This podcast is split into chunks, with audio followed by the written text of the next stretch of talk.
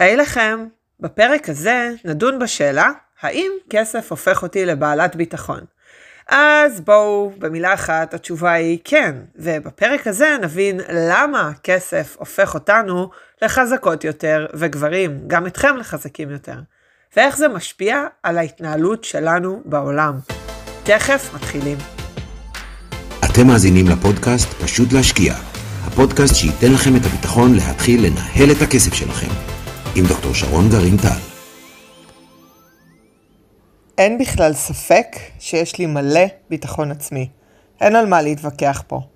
למה זה ככה? מאיפה זה הגיע? האם גדלתי עם זה? האם זה התפתח? שאלות ממש ממש מעולות. שמור את זה לפעם אחרת, זה לא הפואנטה כאן. אין ספק גם שחלק מהסיבה שיש לי כל כך הרבה ביטחון עצמי, זה זה שאני מבינה בכסף. זאת אומרת, כסף וסקס, שניהם מנהלים את העולם, אה, כוח, אבל בואו נשאר בכסף, כי זה הצד שאני מדברת עליו. באופן כללי, אם אני, לא, לא באותו רגע, אבל אם אני מסתכלת אה, ככה על החיים שלי, אני רואה הרבה פעמים, הרבה מצבים, שבהם נתקלתי באיזשהו אירוע שאולי מישהו אחר היה יכול להגיב עליו אחרת, ופשוט הדפתי אותו, כי הוא לא הגיע אליי, הוא לא נגע בי. פעמים שניסו לרמוז לי שכי אני אישה אז, או שזה השתמע, או פעמים שניסו להטריד, והדפתי, פשוט הדפתי, כמו בסרט מצוין, נזרק אליי, הדפתי. נזרק אליי מצד אחר, הדפתי. זה פשוט לא מגיע אליי. אני אפילו לא רואה את זה הרבה פעמים, עד שבדיעבד אני יכולה לדבר ולספר, אה, ואז יגידו לי, אוקיי, את רואה שזה קרה כי, ולא, לא ראיתי את זה. אז הנה כמה דוגמאות כדי שתבינו למה אני מתכוונת. החלוקה אצלי בבית היא מאוד ברורה. אני קונה את הדירה, ובעלי מעצב אותה. יש לו טעם טוב, הוא בחר בי, לראיה. אז קנינו דירה, ואחרי שקנינו וסגרנו את הכל, הגיע הרגע בעצם שהתחלנו לקבל טלפונים אה, מהשיש ומהמטבח ועוד ועוד ועוד, ואמרו לי, בואי תבחרי פריטים. עכשיו, אני בסיוטים שלי, אני בוחרת פריטים ל... למטבח או לאמבטיה או לבית או מהצוות. זה באמת באמת בסיוטים שלי, יש לי אפס סבלנות לזה, אבל למרבה המזל, יש לי את בעלי, שגם יש לו טעם טוב, כי הנה, הוא בחר בי, וגם יש לו סבלנות לזה, זה אפילו קצת מעניין אותו. אז אחרי שקנינו את הדירה, התחיל מסע טלפונים אינטנסיבי, בואי לבחור את הברז, בואי לבחור את השיש, בואי לבחור את הארונות מטבח, ואני לא רוצה. ואני אומרת להם, תפנו לבעלי. ואני לא מבינה למה הם מתעקשים לפנות אליי. וזה ברור לי שזה בגלל שהם בטעות הכניסו את הטלפון שלי אה, ראשון, ואז הם מתקשרים אליי. ואמרתי להם, אל תתקשרו אליי יותר, ואמרו לי, מה? את נותנת לבעלך לבחור את העיצוב של הבית? ואז אמרתי להם, כמו שאמרתי פה כבר כמה פעמים, ברור, יש לו טעם טוב, הוא בחר בי, הוא מעצב מעולה. והם היו שם בצד השני של הטלפון כל כך חמומים, שאני לא ייחסתי את זה לכלום. אבל אחרי זה, כשסיפרתי את זה, אמרו לי, את יודעת שבדרך כלל האישה בוחרת, או לפחות באים ביחד, אבל לשלוח את הבעל לבד זה לא מקובל. הנה דוגמה אחרת, בדיוק מהצד ההפוך. כל מי שמנהל תיק צריך לדעת שמדי פעם יש אירועים במניות שהוא מחזיק, ואחד האירועים שאני מדברת עליו זה אירוע של הנפקת זכויות. הרעיון הוא כשמנפיקים זכויות שזה כמו תלוש הנחה, נגיד לקנות גבינה אה, שעולה 6 שקלים, אפשר לקנות אותה ב-2 שקלים. זאת אומרת, יש פה הטבה של 4 שקלים, בזכות הזכות או התלוש הזה, אני קונה אה, את, המני... את המניה או את הגבינה, תלוי על מה אנחנו מדברים, בפחות כסף. ואז אני יכולה לבחור לממש את התלוש, או לא לממש את התלוש. במקרה שלנו במניות זה זכות. אני יכולה לבחור לממש את הזכות לקנות מניה מוזלת, או לבחור לא לעשות את זה. אבל יש אפשרות שלישית, אני יכולה למכור את הזכות הזו. זאת אומרת, אני יכולה למכור את הזכות לקנות את המניה בזול למישהו אחר, והוא ישלם לי תמורת הזכות הזו. הבנק ששם התיק שלי היה מנוהל, התקשר לבעלי כדי לשאול אותו מה הוא רוצה לעשות עם הזכויות שקיבלנו, האם אנחנו רוצים לממש או לא לממש. עכשיו, אני מנהלת את תיק ההשקעות, ואני אמורה לקבל החלטות כאלה, ואני יודעת שזה טעות לשאול את בעלי, כי הוא ספציפית לא מתמחה באיך לנהל תיק ובקבלת החלטות בנוגע לניירות ערך, אבל אני כן, ואני הודעתי לבנק בכמה אירועים שהתקשרו אך ורק אליי כשצריך לקבל החלטות בנוגע לכסף, בנוגע לתיק ההשקעות. אבל הם המשיכו להתקשר לבעלי. הם המשיכו עוד פעם ועוד פעם להתקשר אליו, ואז העניין הזה של הנפקת הזכויות, מה לעשות עם הזכויות, שבר אותי, כי הם נתנו לבעלי שתי אפשרויות בעצם. אפשרות אחת זה לממש, ואפשרות שנייה זה לא לממש. כשאמרנו כבר שיש אפשרות שלישית של למכור את הזכויות, שזה מלא מלא מלא כסף, וחבל לפספס אותה.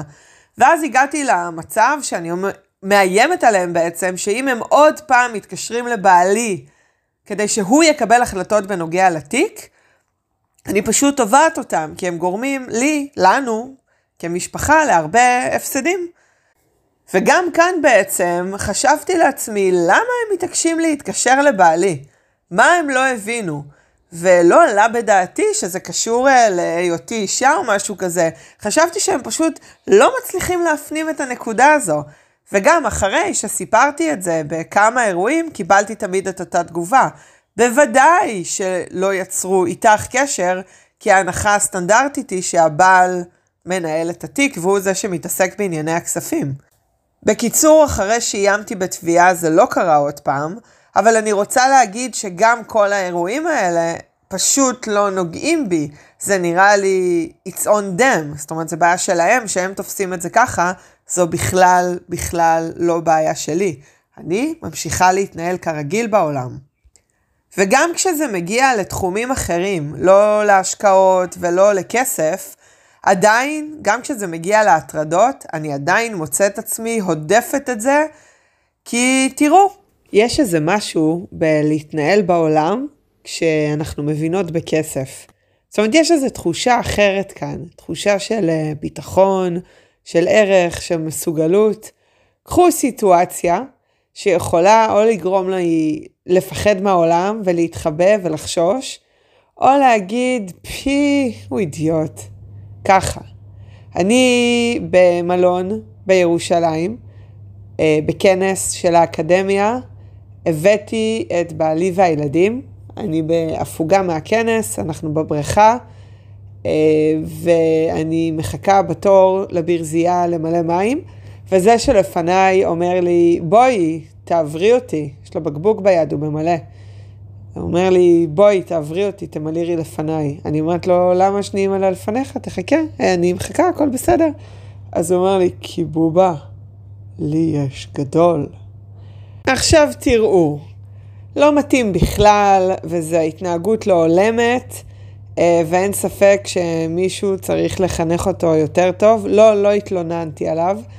אה, וזה בדיוק מהסיבה שברגע ההוא זה קצת עבר לידי. זאת אומרת, אני עדיין זוכרת את זה, כי אמרתי לעצמי, פי, זה אידיוט. אבל זה לא נגע בי, וזה לא הפעיל אצלי אה, משהו, רגש שלילי, חוץ מבוז קל כלפיו. והסיבה היא שאני מרגישה שיש לי כוח בעולם הזה. וחלק מזה מגיע מזה שאני מבינה בכסף. כי כשאני מבינה בכסף, אז יש לי דעה, והדעה שלי נחשבת, ולא ישתיקו אותי ולא יזלזלו בי. ואם אנחנו מבינות בכסף, אנחנו יכולות ומסוגלות לדאוג לעצמנו. עכשיו, זה לא שאם אני מבינה בכסף אז הכל הולך חלק, וזה לא שאין הבדלים בין גברים לנשים. זה לא מה שאמרתי.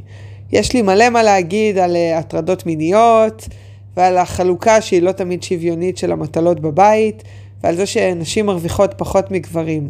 לגמרי.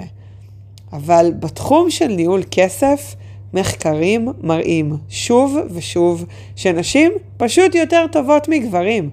נשים לא תיכנסנה להשקעה שהן לא מבינות אותה עד הסוף. הן לא מפחדות לשאול שאלות, הן לא מפחדות לברר. הן לא מפחדות להגיד, אני לא יודעת, זה לא בושה, יש דברים שאנחנו לא יודעות. הן מבררות עד הסוף, הן יסודיות, הן מקבלות החלטות אמיצות, גם איפה כן להשקיע וגם איפה לא להשקיע. ומה שמחקרים מראים זה שנשים משיגות תשואות יותר טובות מגברים בשורה התחתונה, כמובן בממוצע, אבל זה מובהק סטטיסטית. אז העניין הוא שאפילו בתחום הזה של הכסף, עוד פעם, אני אומרת, איפה שמחקרים מראים שוב ושוב שנשים פשוט מעולות, נשים פחות בעניינים. בהרבה הרבה מקרים מה שקורה שאנחנו פשוט משאירות את הכוח אצל הגברים ולא לוקחות אחריות. לא לוקחות את השליטה אלינו. אנחנו אומרות, כן, הוא יטפל בזה, כן, הוא טוב בזה. אגב, הרבה פעמים מגיעים אליי זוגות, או מגיעה אליי האישה לבד, והאמירה היא שכל החיים זה היה נראה שהגבר מטפל בעניינים, אבל הוא לא באמת יודע, והוא עושה שטויות, כי הוא לא למד את זה, והוא עדיין מנהל את העניינים, כי מישהו צריך לנהל אותם, והאישה העבירה אליו את האחריות. עכשיו, אני לא חושבת שגברים נהנים מזה יותר מנשים. זאת אומרת, מי אמר שהם אלה שהם צריכים לנהל? זה המון אחריות לנהל את העניינים הכספיים של משק הבית ולקבל החלטות. זה לא פשוט. צריך לדעת לנהל את זה ביחד. אבל בואו נחזור רגע לזה שנשים יותר טובות מגברים בניהול השקעות. אני אגב, אני לא מדברת על ניהול של תיק השקעות עצמאי עם הכסף של הבית. אין ממש צורך בזה אם אנחנו לא משקיעים מקצועיים. אני כן לגמרי מדברת על להבין איפה הכסף נמצא, על מה הוא יוצא ואיך מנהלים אותו. כי כסף מתייחס יפה למי שמטפל ביפה, וזה בכלל לא משנה אם המישהו הזה הוא מישהו או מישהי.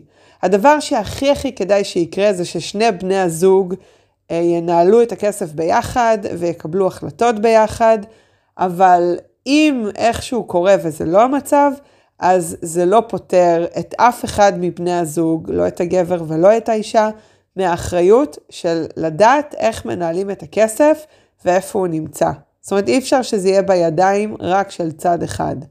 עכשיו, אני יודעת שבאמת הדירו נשים מכל כך הרבה מקומות לאורך השנים, ורק לאחרונה דברים משתנים, ויש כאלה ש, שגדלו ככה שהם, אה, אה, שנשים, שהן באמת לא יודעות למה, על מה אני מדברת, אה, וזה פריבילגיה אדירה וזה נהדר, אבל יש הרבה נשים שכן מרגישות את זה, ואני כאן באמת באמת ולחזק, לחזק ולהגיד שזה ממש תלוי בנו, ומה שצריך בימינו זה לקחת אה, אחריות ושליטה, להגיד אני על זה, באמת לרכוש קצת ידע, זה קצת, זה לא הרבה, ואז לנהל את ההכנסות הוצאות, את התזרים, נכון? להשקיע קצת כסף בשיטה של השקעות פשוטות, לא צריך ללמוד אה, לנתח דוחות כספיים ולא צריך לבחור מניה מניה, ובאמת להתחיל לדאוג לעצמנו ולעתיד שלנו ושל העיקרים שלנו. אנחנו יכולות להיות אלופות בזה, אנחנו מביאות חיים לעולם, באמת שקטן עלינו להשקיע 500 או 2,000 שקלים בחודש. עכשיו, אני רוצה לחזור למה שסיפרתי בתחילת הפרק ולהגיד שבאמת שאני מרגישה באירועים רבים ושונים, שזה שאני מבינה באחד מהעקרונות הבסיסיים שמנהלים פה את העולם, זאת אומרת זה סקס וכסף, אבל סקס באמת אנחנו לא נדבר, אז אנחנו חוזרים להתמקד בכסף, אבל זה שאני מבינה בכסף, גורם לי לעבור את החיים האלה הרבה הרבה יותר בביטחון, שמוביל לנחת ולשקט נפשי. אם אהבתם את הפרק, אה, אני מאוד מאוד אשמח אם תעבירו את זה לאישה או לגבר, כי בואו, כל גבר גם אה, נוגע במלא נשים. לכל אחד יש אימא, יש בת זוג, יש אה, אחות, יש בנות. זה נוגע לכולם העניין הזה של הנשים, ושהן יהיו מלאות בביטחון וידעו להסתדר בעולם. אז אם אהבתם, אני אשמח ממש אם תשתפו ותעבירו הלאה, באמת שהידע והמסר הזה אה, יתפשטו ויחזקו עוד ועוד נשים. אני אשמח ממש גם לפרגונים. תודה רבה רבה שהקשבתם.